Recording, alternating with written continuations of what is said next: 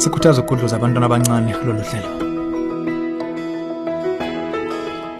Kuney'balo ezethusayo zokuhlukunyezwa kwey'ngane ngocansi ezingabikwa futhi ey'gabeni eziningi igilamkhuba kusuke ngamalungu omndeni ngeshwa. Ngenxa kwesaba amahlone umuzwa wecala iy'ngane ziyathula zaziwe yizo kuphela lezi igilamkhuba zizwa ubuhlungu zizodwa iy'ngane. Okugcina zingatholanga usizo olufanele ukulapha imizwa yenhliziyo yazo nobuhlungu bonkana. Uma wazi kunokusolakala umuntu thizeni ongumhlukumezi wengane siyakucela ukuthi ulalelisise ngesikhathi sazoxoxa ngamagxathu angathathwa ngalolu daba. Khona la ohlelweni ezomndeni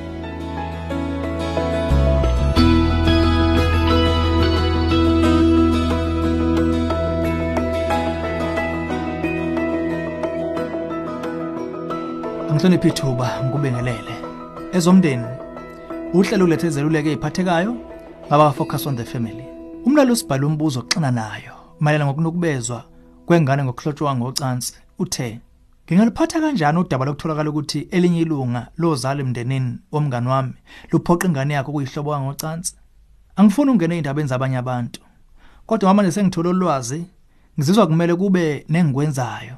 Kukhona nikuphakamisayo.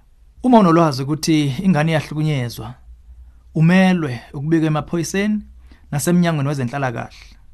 Ukugcina imfihla loluhlobo kuyokwenza izinto zidlobongele njengoba wazi izimo zalolu hlobo zigqitshwe iminyaka. Ekwenzekeni kwalokhu isisulu sigcina sithola umthwalo sendayo okuzenyeza icala nokumoshakalelwa ngokuzethemba kuze kube sebudaleni okuphetha ngokuthi ibizoba isiga lento esiyimele sodwa igcinisile ukhondolo olude nolisiqalekise emndenini.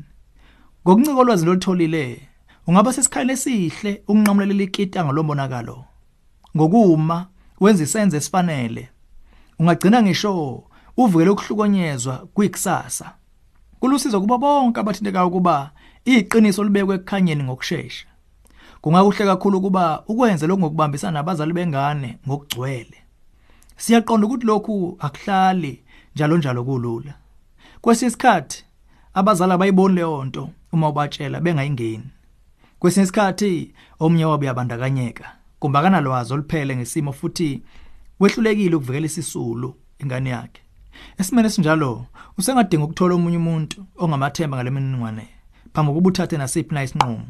Kungaba uthisha umeluleki wasesikoleni umfundisi umholi wentsha kumbe umzali womngane qaphela ukuthi kwezinye izimo ukukhuluma nabazali kungenza izinto zeqe ngengane.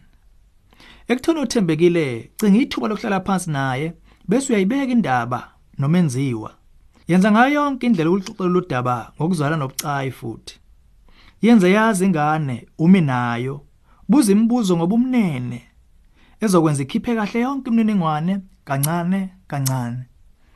Ngisho amagama njengokuthi angikwazi ukukutshela ngokwanele ukuthi lokhu nami kungilimaze kanjani obokwenzeka kuwe. Ubani lo ubenza lokhu kuwe? Isikhathi esingakanani? Akube isimo esiqhubekayo lesi uma ufika emzweni oqinile ukuthi kumele abasemagunyeni baziswe qonda ukuthi usengenza lo mbiko ngokuyimfihlo confidential. Kusemqoka ukuqonda kahle lokhu ukuthi kuchaza ukuthini. Ngesikhathi wenza icall uzodinga ukusho igama lakho? Kodwa amaphoyisa ngeke alidalule kubazali bengane kumbe kwabezenhlala kahle kumbe umndeni ngaphandle kwemvume yakho. Usengadinga futhi ukuba ufonele i-child line kwakumele uqhubeke ukwenze uma usaselwa uhlukumezo. Ukuxhumana no-child line shaya ku-0800 055 555 kumbe ungene kuwebsite yabo ethi childlinesa.org.za umnyango wezokweluleka efocus on the family nawo sengawuthinta kodwa emva kokuba bomthetho sebazisiwe bangenelela. Izisebenzi zethu singakuxhumanisa nongoti abangama-therapist abangaseduze nawe futhi bothokoza ukuxoxa udaba lwakho ngocingo. Inombolo yethu ithi 031 716 3300 kumbe ungene ku safamily.co.za bese uthi cofo ku counseling link.